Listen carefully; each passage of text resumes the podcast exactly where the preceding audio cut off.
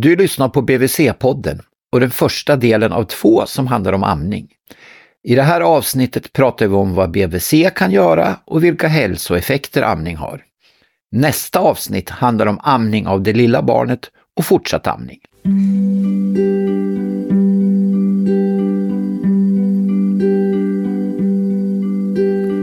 Födde barn till Björn Olsson Solen bröt fram precis när mitt barn kommit ut Hej! Välkommen till ett nytt avsnitt av BVC-podden. Idag tänkte vi prata om det alltid aktuella ämnet amning. Vi kommer ta upp amning av det lilla barnet och fortsatt amning. Hur kan vi på BVC stödja? Jag heter Kersti Grossvoll och är specialistsjuksköterska inom barn och ungdom, håller i amningsseminarium och föreläsningar samt är IBCLC, internationell certifierad amningsrådgivare sedan tre år. Jag har en delad tjänst mellan Sollentuna BVC, Sollentuna amningsmottagning och BHV-enheten, där jag ansvarar för tilläggsuppdraget amning. Med mig här idag har jag Maria Karlsson som också har en delad tjänst. Vill du berätta mer om dig själv, Maria? Mm, ja, Maria heter jag. Då. Jag är barnsjuksköterska på Södertälje barnavårdscentral, ja, Södertälje centrum barnavårdscentral. Och Södertälje amningsmottagning. Och eh, där har jag, på BVC har jag jobbat i tre och ett halvt år och amningsmottagningen i två och ett halvt. Ehm, och eh, mitt intresse för amning och börja på amningsmottagningen också, det, det började ju dels för att jag har en egen, eh, haft egna svårigheter med amning och det har inte riktigt blivit som jag har spelat önskat eh, med amningen.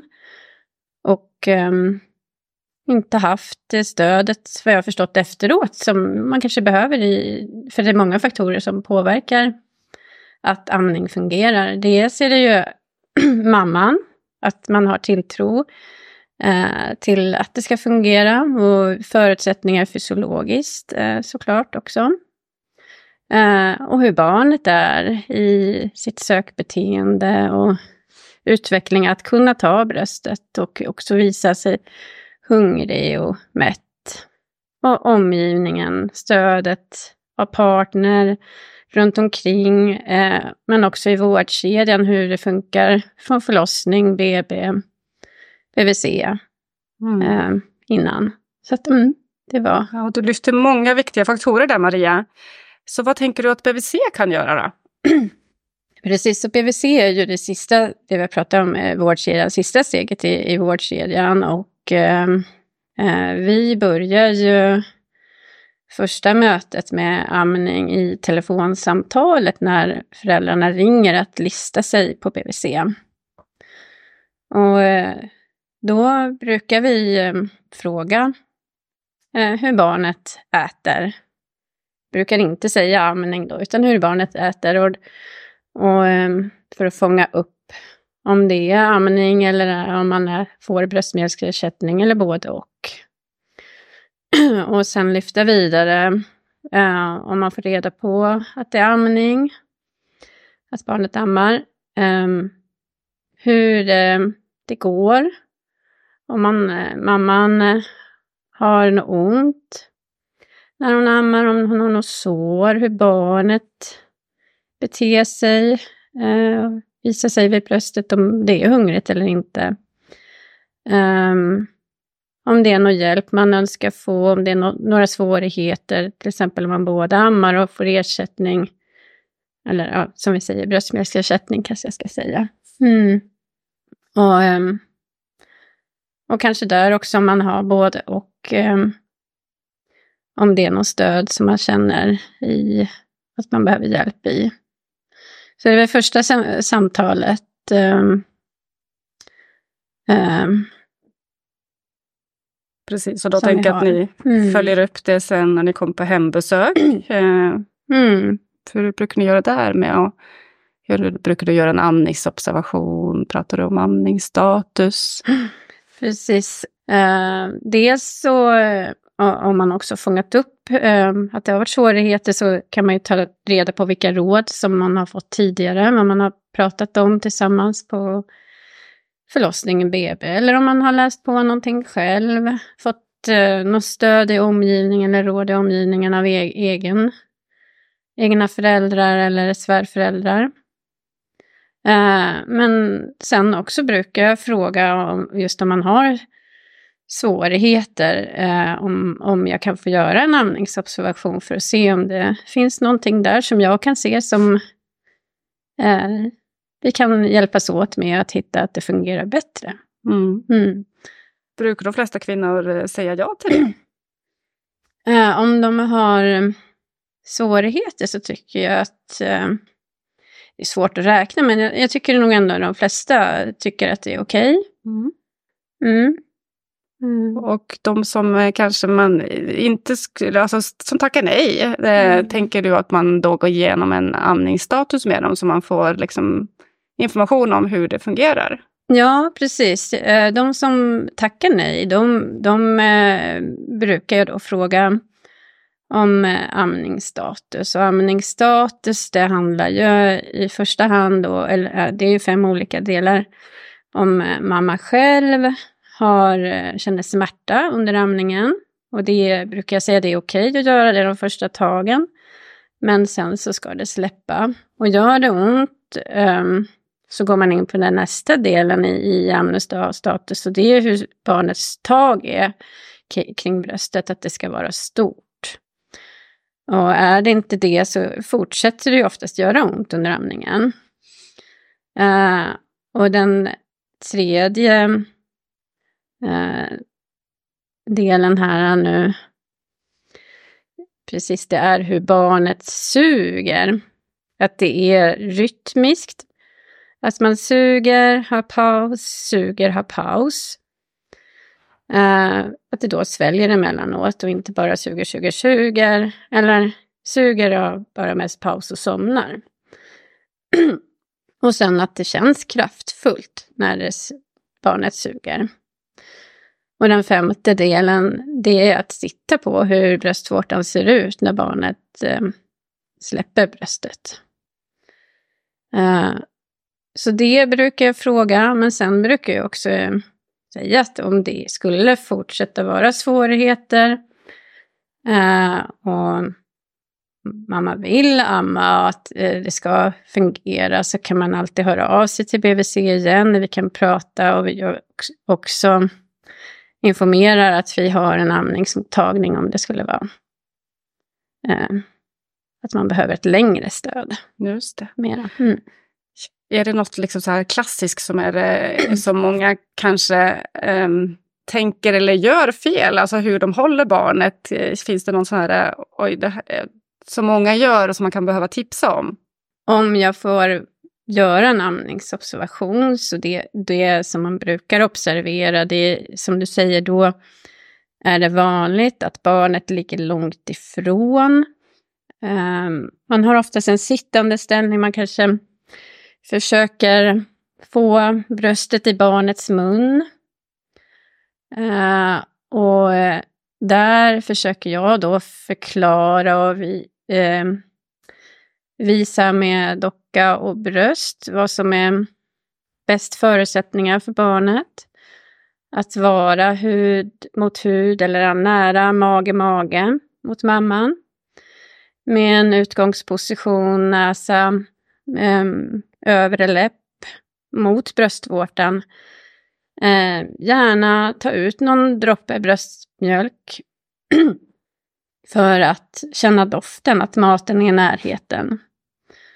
Eh, och eh, att barnet själv ska söka efter bröstet och när det öppnar munnen. För då kan man hjälpa till att trycka lite så att det kommer närmare. Och då inte vid huvudet för att det behöver kunna luta huvudet bakåt för att få ett stort tag. Och det här låter så självklart och enkelt, men vi vet ju, för vi jobbar ju både på BBC och amningsmottagningen, eh, du och jag Maria, att man kan behöva titta och se och liksom berätta det här. Eh, för många gör inte riktigt så. Så att det, och det gör så stor skillnad. Bara så små justeringar kan Mm. göra jättestor skillnad om mamman upplever smärta eller att det blir eh, ett inte så kraftfullt sug hos barnet så ligger det kanske lite för långt ifrån. Lite för ytligt. Mm. Och jag tänker också med, med barnstatus då, för det brukar vi också prata om. Vad innebär det? Det innebär ju att barnet eh, själv vaknar upp eh, och visar att det är hungrigt emellanåt. Eh, och att det kissar. Eh, och är nöjd emellanåt, inte bara skriker eh, och är missnöjd, utan att det går att trösta. Eh, mm, det är väl barnstatus. är- Verkligen. Mm. Eh, och lite grann kanske med barnets elimination också. Mm. Hur många kissblöjor och eh, att barnet eh, kommer igång och bajsar, det bajset skiftar färg. Precis. Mm. Eh, jag brukar säga att, eh, att, att man känner att det kissar och hur gör, hur gör jag det då? Ja, men när jag byter blöja, att den är eh, lite tyngd i den och att det inte är eh, mörkt gult eh, utan mer ljusgult och att som du säger bajset har en eh, gulgrynig färgkonsistens. Mm. Mm. Viktiga delar faktiskt. Ja. Eh, vi som arbetar med amning vill ju inte skuldbelägga någon av, eh, som av olika anledningar inte kan amma. För det är inget lotteri om man kan amma eller inte. Det är inget som går i arv. Det är förutsättningar och omständigheter här och nu som påverkar. Alla kan inte amma av olika anledningar och alla vill inte amma. Eh, forskningen visar att god kunskap om amning ger bättre stöd till de som inte får till amningen eller inte vill. Så vad skulle du säga är de vanligaste orsakerna till att man slutar amma? Mm. Eh, ja, eh, den erfarenhet jag har, eh, både från eh, mig själv, egen erfarenhet, men också eh, av de jag har träffat på BVC, det är att man, man tror att man inte har tillräckligt mycket mjölk. Eh, det är en vanlig orsak. Och eh, att man inte har stöd runt omkring i nära, men kanske heller inte i, ja, på samhällsnivå också. Ehm, hur ehm, man kan tro på sig själv att mjölken räcker och, och hur jag kan veta det. Mm. Allt är så kontrollerat nu för tiden och det här Mm. med amning blir så speciellt för att man ser inte utan man måste släppa kontrollen. Jag tror det kan vara Precis. svårt för många. Mm. Mm. Precis, och där tror jag det han, eh, handlar lite om mig också. Hur, hur vet jag att barnet eh, får i sig mjölken? Alltså hur ser jag det? Det är mycket med, eh, med bröstmjölksersättningen, då vet jag exakt mängd. Jag ser om barnet äter upp allt eller inte. Eh, men sen är ju det eh, med amningen så mycket mer, alltså man kan se på andra sätt. Som vi kommer komma in i senare tror jag. Mm. Precis. Och det är ju, vi tycker det är viktigt att tydliggöra alla hälsoeffekter av amning eh, för att föräldrar sen kan göra medvetna val. Mm. Så när vi nu tar upp olika hälsoeffekter av amning så menar vi då på populationsnivå. Och man brukar skilja mellan hälsoeffekter för barnet och hälsoeffekter för den ammande kvinnan. Mm. Vad skulle du säga det är hälsoeffekterna för barnet? Ja, precis som du säger att man, man brukar ju säga på eh, effekter på gruppnivå. Och för barnet eh, då handlar ju det om eh, dels att det förebygger infektioner. som är, eh, bröstmjölk har ju många sjukdomsbekämpande faktorer och framförallt de övre luftvägsinfektioner som lung och öroninfektioner men också eh, maginfektioner. Att man ser att barn som ammas har färre eh, svåra infektioner och behöver inte sjukhusvistelse i lika stor grad som barn som inte ammar. Och eh, barn som föds för tidigt eh, och som ammas, eh, de löper också mindre risk att få en allvarlig infektion i tarmarna som kallas NEC, nekrotiserande enterokolit. Sen har ju bröstmjölk också ehm, eh, näringsämnen eh, som är lättare för barnet att absorbera. Och näringsämnena i bröstmjölken innehåller det som är bäst för barnets hjärntillväxt och nervsystemets utveckling. Och eh, studier har visat att ammande barn de klarar sig bättre på intelligenstester. Och eh, deras ögon fungerar också bättre jämfört med barn som får bröstmjölksersättning. Och det beror på att, ja, främst att det är olika typer av fett i bröstmjölken. Um, Precis. Mm. Uh, och sen har man ju också en del så här, liksom långtidseffekter, har man ju också sett lite grann. Uh, som också ger skydd när de blir äldre. Precis, man har ju sett på lång sikt att um, det minskar Eh, långvariga hälsoproblem som diabetes och fetma. Eh, och andra tillstånd eh, i, eh, under uppväxten, det är ju att eh, minska risker för astma och hudproblem som är relaterade till allergier jämfört med barn som får bröstmjölksersättning. Som oftast då drabbas av mjölkallergier. Och ammande barn har man också sett eh, har lägre risk för plötslig spädbarnsdöd. Precis. Och eh, de har också mindre risk för diarréer för, och matspjältningsproblem. Och mm. där har man sett att eh, vi har normalt bakterier som hjälper till med matsmältningen i, i eh, tarmarna. Och eh, bröstmjölksersättning kan förändra de här friska bakterierna i barnets tarmar som då kan bidra till svårigheter mm, med diarréer. Så många skyddsfaktorer är det verkligen mm. eh, för ammande barn. Eh, kvinnorna alltså, som ammar, får de också några hälsofördelar och hälsoeffekter? Ja, eh, det får de. De, eh, I början så vet man att, eh, att amma minskar blödning och påskyndar återhämtningen efter eh, förlossningen.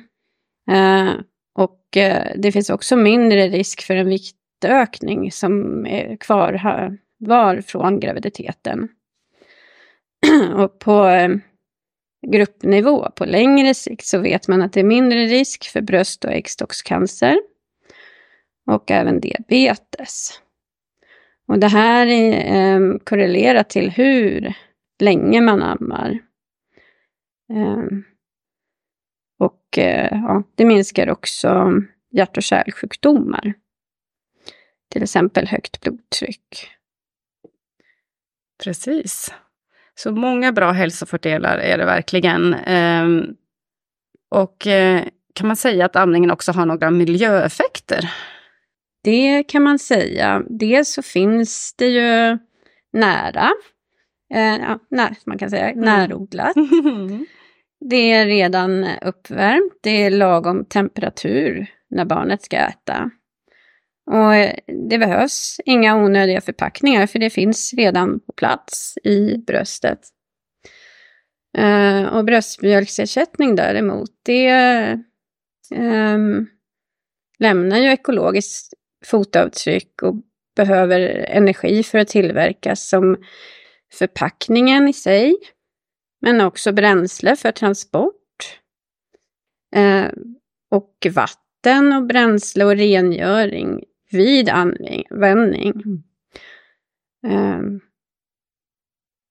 och det går åt 4 000 liter vatten för att producera ett kilo bröstmjölksersättning. Det är mycket. Ja. Precis. Så vi, det är lite fascinerande att få lyfta det här lite och jämföra lite. Eh, verkligen.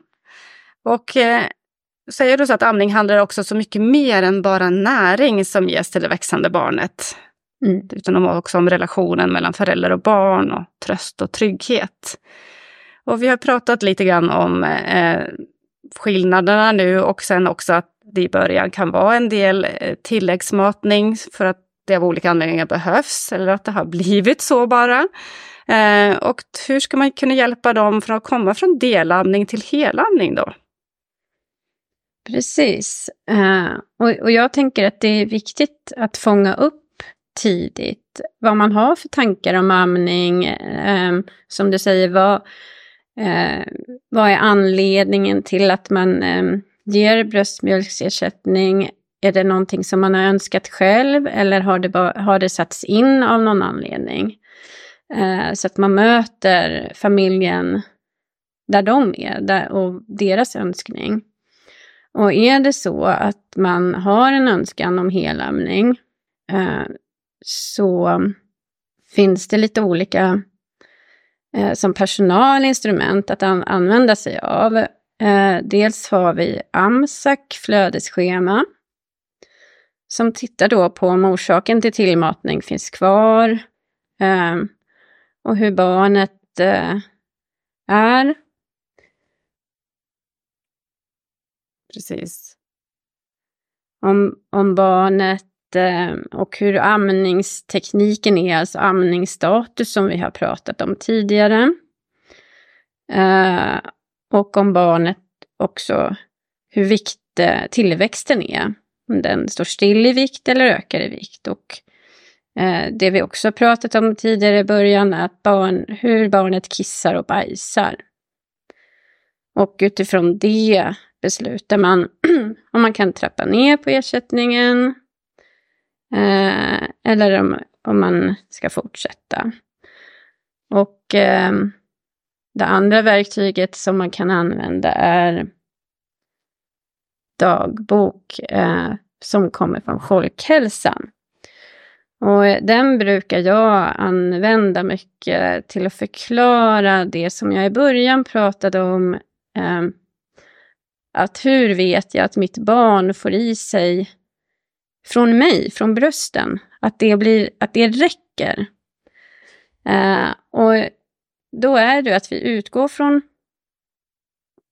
barnstatuset, det eh, vaknar själv och visar att det är hungrig. Eh, och eh, är pigg emellanåt. Eh, att det ammar som minst eh, åtta gånger per dag, per dygn. Och eh, gärna eh, i samband med nedtrappning av tillmatning oftare. Eh, och där kan eh, vissa barn, eh, jag förklarar att vissa kan äta varje timme.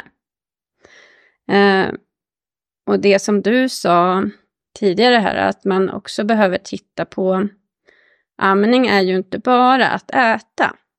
Vissa barn, de är ju där vid brösten också bara för att mysa och so sova, knyta an. Eh, så där brukar jag förklara för familjen. Det är bra om pappan är med, att man är flera som hör, eller om man har en annan anhörig med. Eh, att eh, man behöver titta då att barnet är aktiv när det ammar. Då vet man att då får det i sig mat. Att den suger, suger, suger, har paus. Suger, suger, har paus. Och när pauserna blir längre, eller det bara suger, suger, suger, verkar aldrig ha pauser, då är det symptom eller signaler på att det inte får i sig mat. Så det är den ena delen, att stärka i hur vet jag att mitt barn får i sig. Och det andra eh, är att titta på utgifterna då. Mm. att den kissar. Mm. Och då ska det gärna vara sex tunga kissblöjor minst per dygn. Och en eh, bajsblöja per dag. Du har lyssnat på BVC-podden och första delen av två om amning. Nästa avsnitt handlar om amning av det lilla barnet och fortsatt amning.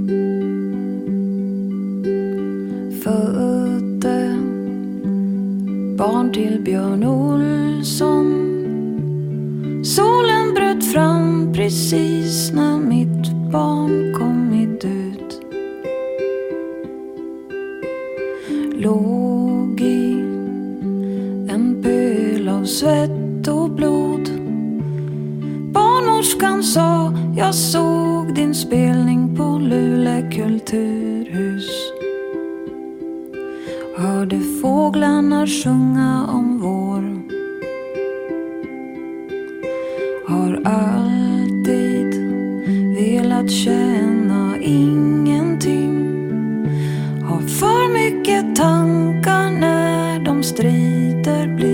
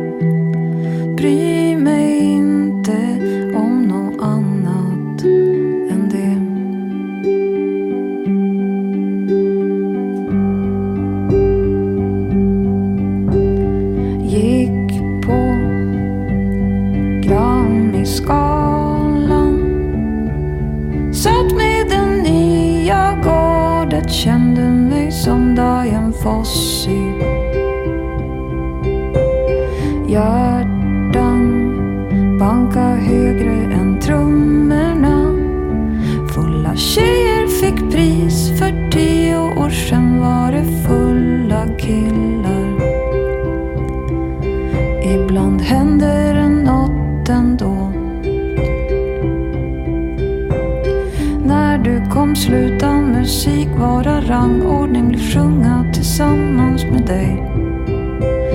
Din lilla röst ropar du var, du var, det är allt och jag som spelar till. Och jag förstår musik igen.